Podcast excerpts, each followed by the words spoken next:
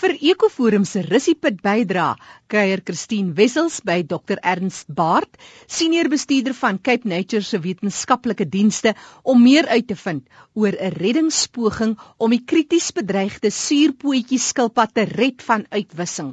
Wetenskaplikes van Cape Nature en die Universiteit van die Wes-Kaap, in samewerking met die eienaars van Elandsberg Natuurreservaat naby Wellington, het onlangs moue opgerol om een van die raarste skilpadspesies van uitwissing te red na 'n verwoestende veldbrand vroeër die jaar. Daar is baie stories wat vertel word oor waar die suurpootjie se naam vandaan kom. Dit kan wees omdat hy van die suurveld hou of 'n nors en skugter skilpad is, maar sommige beweer sy naam was eers Seerpootjie, want hy loop op die punte van sy tone asof sy pote seer is.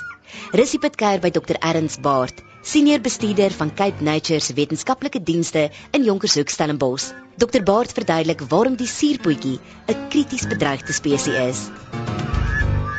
Christine, kom ek begin deur te sê dat uh die probleem met die suurpotjie skilpad op die oomblik is dat hulle geweldig skaars geraak het as gevolg van hulle habitat wat hoofsaaklik as gevolg van landboubedrywighede en stedelike ontwikkeling ehm um, vernietig word en dan as gevolg daarvan gefragmenteer word. Nou ek moet dit miskien verduidelik en sê dat daar bly met ander woorde in die landskap bly daar klein stukkies natuurlike renosterveld waar die suurpotjies voorkom bly dan nou oor. En uh, as gevolg daarvan raak die klein bevolkings wat agterbly in hierdie klein stukkies grond of op hierdie klein stukkie grond kom dan onder klomp bedreigings om dit so te stel fragmentasie randeffekte en in aansluiting daarbey wil ek sê dat die rede hoekom ons op hierdie stadium baie bekommerd is is uh, eintlik tweerlei van aard. In die eerste plek het ons uh, die afgelope 3 4 jaar het ons 'n groot baie intensiewe opname van die laaste gebiede waar suurpotjies in die Boland voorkom en hulle kom net hier in die Boland voor. Hulle kom nêrens anders in die wêreld voor nie, so dit is die enigste plek waar hulle voorkom. Uh, die opname het getoon dat ons sit op hierdie stadium in die Boland met so om en by 20 plase, 20 eiendomme uh, in die Wes-Kaap en spesifiek in die Boland waar suurpotjies nog voorkom, nêrens anders nie. So met die gevolg dat die landoppervlakte waar suurpotjies voorkom, het afgeneem van baie duisende vierkante kilometers na ongeveer 22 vierkante kilometer op hierdie stadium in 2012 om dit so te stel. Bloot as gevolg van daardie feit um, het die suurpotjies hulle status het verander van bedreig na krities bedreig. Daar's nou 'n hele stel reëls wat daarvolgens en kriteria wat daarvolgens geld, maar op hierdie stadium is dit die een hoofrede hoekom hoekom ons bekommerd is dat die suurpotjies skilpad onder geweldige druk is. Hulle was nog altyd oor die afgelope sê argumentsonthaalwe die afgelope 30 of so jaar onder druk, maar nou begin ons sien dat dit werklik nou 'n verskil maak.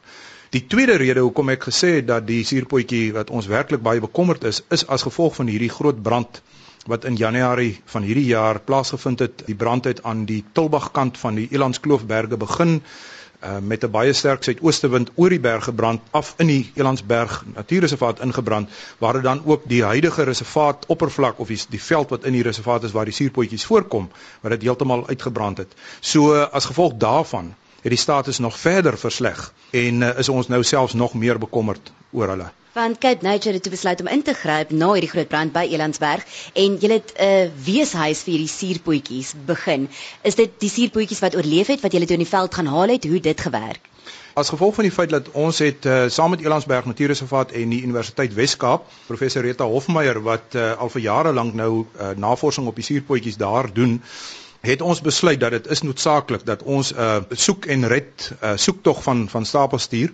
Uh, wat ons toe ook gedoen het, ons het so om by 2 2 na 3 weke toe het ons dan probeer om in die gebrande gedeelte soveel as moontlik van die alle skilpaaie wat ons in die hande kon kry, uh, suurpotjies, padlopertjies en rooipen skilpaadjies, die drie soorte wat daar voorkom, het ons dan soveel as moontlik van hulle uit die veld uitgehaal, versamel omdat hulle op daai stadium was hulle in hierdie gebrande gedeeltes daar is niks oor gewees nie. As hier en daar stukkies uh, veld wat nog tussenin oorgebly het maar baie van hulle het geen heenkomme gehad nie. Ons het toe besluit op daai stadium om die skilpaaie uit die veld uit te haal en hulle in aanhouding te plaas vir hulle water te gee kos te gee en so aan dat hulle net daai eerste paar weke uh, na die brand as gevolg van die geweldige traumatiese ervaring dat hulle net kan, jy weet, ehm um, stabiliseer en daarom net weer herstel na die brand. Daar het natuurlik nou nog skilpaaie in die veld agtergebly. Ons het na die tyd het ons weer ook 'n groot opname gaan doen en agtergekom dat daar heelwat skilpaaie oorgebly het wat die brand oorleef het natuurlik ook, maar wat nog steeds in die veld was in hierdie ongebrande stukke veld. Ons het toe besluit dat hulle is hulle is reg. Dat daar's daar's nie 'n probleem met hulle vir, vir nou nie en hulle sal hulle sal onder omstandighede reg wees. So ons het toe so in die omgewing van 60 plus suurpotjies en omtrent dieselfde hoeveelheid padlopertjies en net net 'n paar handjievol rooipenskilpaadjies het ons dan in aanhouding geplaas in 'n plek waar ons nou nie graag die ons wil nou nie graag die die lokaliteit bekend maak nie want nou aan die ander kant weer as stroopers uh, van ons wildlewe nou weer agterkom waar hierdie diere is is daar altyd weer 'n risiko van stropery en sovoorts. Die suurpotjies is nou in twee kampe waar hulle veilig is. Hulle word daagliks na gekyk. Ons gee nie vir hulle ekstra kos nie op hierdie stadium is uh, hulle is 'n natuurlike veld is die twee kampe wat gemaak is en uh, as gevolg daarvan het ons toe besluit ons wil hierdie klomp skilpaaie wil ons nou hou amper as 'n soort van 'n belegging vir die Elandsberg Natuurreservaat. Uh so met die gevolg op hierdie stadium, ons was verlede week was ons weer daar gewees. Dit gaan goed met die skilpaaie. Hulle is almal uh versorg. Ons het een of twee verloor as gevolg van na brand die trauma van die van die brand self. Daar is een of twee van hulle nog dood. Drie van die suurpotjie skilpaaie is dood in uh, onder intensiewe sorg om dit so te stel. Hulle het nog gelewe na die brand. Ons het hulle in intensiewe sorg gesit, maar hulle het dit ongelukkig nie gemaak nie. So wat die suurpotjies aan op hierdie stadium betref, is daardie klomp wat ons uit die veld uitgehaal het. Vir die oomblik is hulle veilig. Dit gaan goed met hulle. Die padlopertjies en die rooi penskilpaadjies wat ons ook uit die veld uitgehaal het, is almal weer terug veld toe, want daar was groot uh, stukke ongebruik gebrande veld wat meer geskik vir hulle was waar ons hulle dan nou gaan vrylaat het. Die suurpotjies lê hulle eiers onder die grond. Is ook 'n moontlikheid nou met die eerste reëns in die Kaap dat van hierdie eiertjies dalk nog sal uitbroei wat nie beskadig is nie. Ja, beslis. Nee, kyk as eh, as mense vinnig kyk net na die suurpotjies se se ekologie, dan lê die skilpad wyfies lê hulle eiers in die lente. Natuurlik hulle lê dit ondergronds oor die algemeen hierdie tyd van die jaar wanneer ons die eerste winterreëns kry, direk daarna dan begin die klein die klein skilpaadjies wat uitbroei onder die grond begin dan uitkom. Ons verwag om die waarheid te sê binnekort verwag ons die kleintjies wat dan sal uitkom. En uh, dit is hoekom ons dan nou dis miskien hier waar die weeshuis nou uh gedagte inkom uh waar ons besluit het dan om te probeer om die suurpotjies van Elandsberg op hierdie stadium se kanse op oorlewing die bevolking se kanse op oorlewing te maksimiseer, het ons besluit om soveel as moontlik van die kleintjies wat ons kry ook in aanhouding te neem, maar ons gaan hulle dan onder 'n spesiale sorg plaas, ook onder natuurlike omstandighede. Hulle gaan met ander woorde nie in die laboratorium wees nie, om hulle dan vir die volgende paar jaar te laat groot word in aanhouding. Met ander woorde, jy maak die diertjies, jy gee hulle kans om 'n bietjie groter te groei sodat hulle bietjie meer of bietjie minder kwesbaar is. Jy kan vir jou voorstel as 'n klein skilpaadjie wat uitgebroei het so groot soos jou duimnaal is, is hulle baie baie kwesbaar en juis omdat die veld nog nie herstel het na die brand nie, is dit dan juis die idee om hulle dan vir 'n jaar of 3 te hou sodat hulle darm net 'n bietjie groter word en uit daardie baie kwesbare stadium van hulle lewe kom. So dit is waar die idee van die weeshuis kom. Die skilpad wyfies Hulle lê hulle eiers en hulle vergeet van die eiers. Hulle kom nie weer terug om na die kleintjies te kom kyk nie en die kleintjies is heeltemal op hulle eie aangewese. So ja, miskien is dit 'n weeshuis in in wese. Die skilpaadjies wat verwyder is uit die veld wat hierdie traumatiese brand oorleef het, is daar kans dat hulle sal aanteel in aanhouding alhoewel dit in 'n natuurlike omgewing is. Christine ja, uh, baie definitief verwag ons dat hulle sal sal aanteel in die onder daardie omstandighede om die waarheid te sê was daar direk nadat ons hulle in aanhouding geplaas het was daar heelwat paring wat plaasgevind het. Die mannetjies en die wyfies het mekaar uh, raak geloop daarso in die kamp. Dis natuurlik nog groot kampe en ehm um, verbasend genoeg was daar heelwat paring wat plaasgevind het. So ja, ons verwag dat omdat ons ook die skilpaaie, die groep skilpaaie nou vir ten minste die volgende 2 na 3 jaar op dieselfde plek sal hou in die aanhoudingskampe verwag ons dat oor die argument onthaalwe oor 'n jaar of 2 dat ons definitief sal kleintjies kry wat dan ook sal uitbroei binne in die kampe en dit sal natuurlik dan nog 'n paar kleintjies dan toelaat om dit so te stel dat ons hulle ook kan groot kry om weer uiteindelik in die veld terug te plaas. Jy het nou genoem die klein skilpaadjies as hulle uitbroei uit die eiers uitkom is hulle maar so groot as 'n duimnaal, baie klein behalwe dat eh, die mens hulle grootste bedreiging is en hulle natuurlike habitat verwoes, is hulle ook prooi vir verskillende diere. Ja, beslis. Die eh, die klein skilpaadjies en dit geld nie net vir suurpotjies nie, dit geld natuurlik vir al die soorte skilpaaie. Uh veral ons is baie bekommerd oor die rooipen skilpaaie teen die Weskus.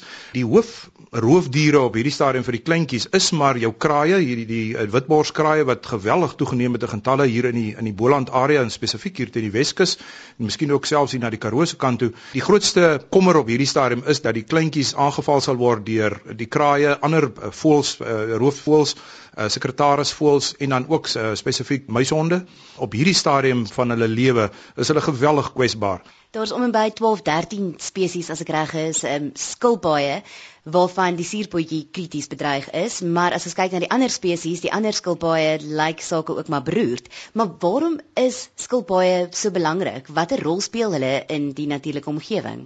Ja, mens mens sal dink dat die skilpad nie eh, nie 'n vreeslike belangrike item in die in die natuur is nie, maar tog as daar drie redes hoekom skilpaaie belangrik is en 'n baie belangrike skakelvorm in die natuurlike ekosisteem. In die eerste plek is skilpaaie, dis 'n bekende feit dat skilpaaie oor die algemeen 'n diersoort is. Dan nou ek praat nou oor die algemeen van skilpaaie. In Engels is die woord browsers.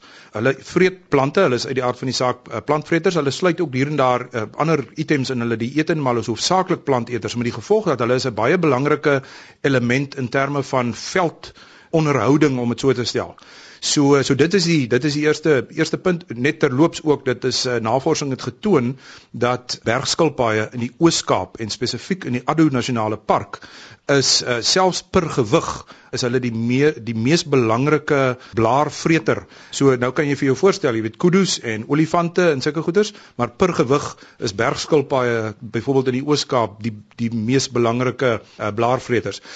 Die tweede rede hoekom uh, skilpaaie belangrik is is uh, juis ook omdat hulle plantvreters is, is ongelukkig is hulle spysverteringskanale nie so baie effektief nie met die gevolg dat plantreste en spesifiek dan plantsade word nie deur hulle darmkanale vernietig en so nie. So met die gevolg dat soos wat die skalpad deur die landskap beweeg en waar hy nou maar sy merk laat, versprei die sade dan van die verskillende plantsoorte en so aan so weer eens ook 'n belangrike skakel in daardie ketting. En dan die derde belangrike ding is dat hulle is uit die aard van die saak prooi vir ander roofdiere en daarom vul hulle dan ook 'n baie belangrike uh, nis in wat ons noem die voedselketTINGS.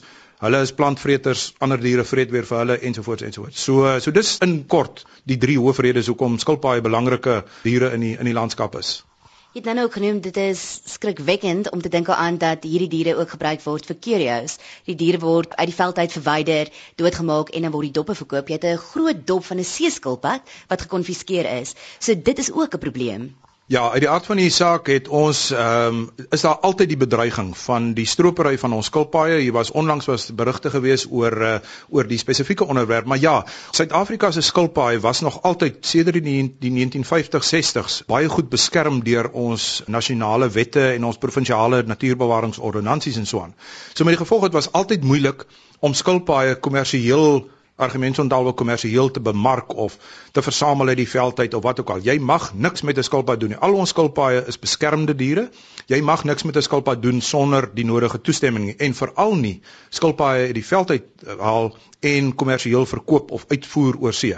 Nou as gevolg daarvan het ons Suid-Afrikaanse skilpaaie 'n geweldige hoë status op die internasionale troeteldiermarkte. Suid-Afrikaanse skilpaaie, selfs die gewone ehm uh, rooipen skilpaadjie van die Boland, is duisende euros werd in die Europese troeteliermarkte en so aan. Maar as gevolg van die feit dat ons wette redelik streng is, is hulle baie skaars oor kan die water om dit so te stel en word baie van ons skilpadsoorte dan nou geteken deur internasionale versamelaars en of stroopers wat hiernatoe kom van die diere versamel en dan probeer uitvat veral Oos-Europa toe is is 'n is 'n redelike bekende mark. Maar nou kan jy vir jou voorstel dat die suurpotjie skilpad wat 'n krities bedreigde dier is, sy status is selfs hoër as die gewone volop soorte en so aan. So met die gevolg dat wat my aanbetref, die suurpotjie is selfs onder meer druk as gevolg van die internasionale troeteldierhandel. So ja, nee, jy's heeltemal reg dat die bedreiging van stropery en spesifiek die internasionale stropery van ons diere is altyd 'n risiko. Hier is 'n foto op teen jou kassies. Klomp foto's reg rondom my. Ek verkyk maar aan al die foto's van die verskillende tipe skilpaaie met pragtige doppe. Daar staan desert tortoise, dinosaur of the desert. Hierdie is ook oerdiere. Ja, inderdaad. Uh, die skilpaaie is regtig baie ou diere wat betref hulle ontwikkeling. Hulle het uh, die die die algemene frase is altyd hulle het die dinosourus gesien kom en hulle die, die dinosourus gesien gaan. As 'n diersoort is hulle in die omgewing van 200 miljoen jaar oud. Uh, en die interessante feit is dat die oorspronklike vorm van skilpaaie varswaterskilpaaie, seeskilpaaie, landskilpaaie, daardie oorspronklike vorm is vandag nog die vorm wat hulle het. So met die gevolg dat soos byvoorbeeld by haie en by krokodille was daardie resep om jou liggaam te omsluit met 'n benige dop sodat jy baie goed beskerm is, was 'n suksesvolle resep en daar was geen rede vir die afgelope 200 miljoen jaar om die resep te verander nie. Maar ongelukkig is dit nou so en dit is uh, dis is ook nou 'n lang storie, maar ongelukkig is dit so dat skilpaaie net eenvoudig nie kan uh, pashou met die verandering in hulle landskap en in die omgewing uh, vir hulle oorlewing nie. En so gesels Dr. Ernst Baart senior bestuurder van Cape Nature se wetenskaplike dienste in Jonkershoek Stellenbosch. So as jy 'n suurpoetjie oor die pad sien loop, moenie dink hy het verdwaal en hom huis toe neem nie. Help hom oor die pad en los hom weer in die veld waar hy hoort.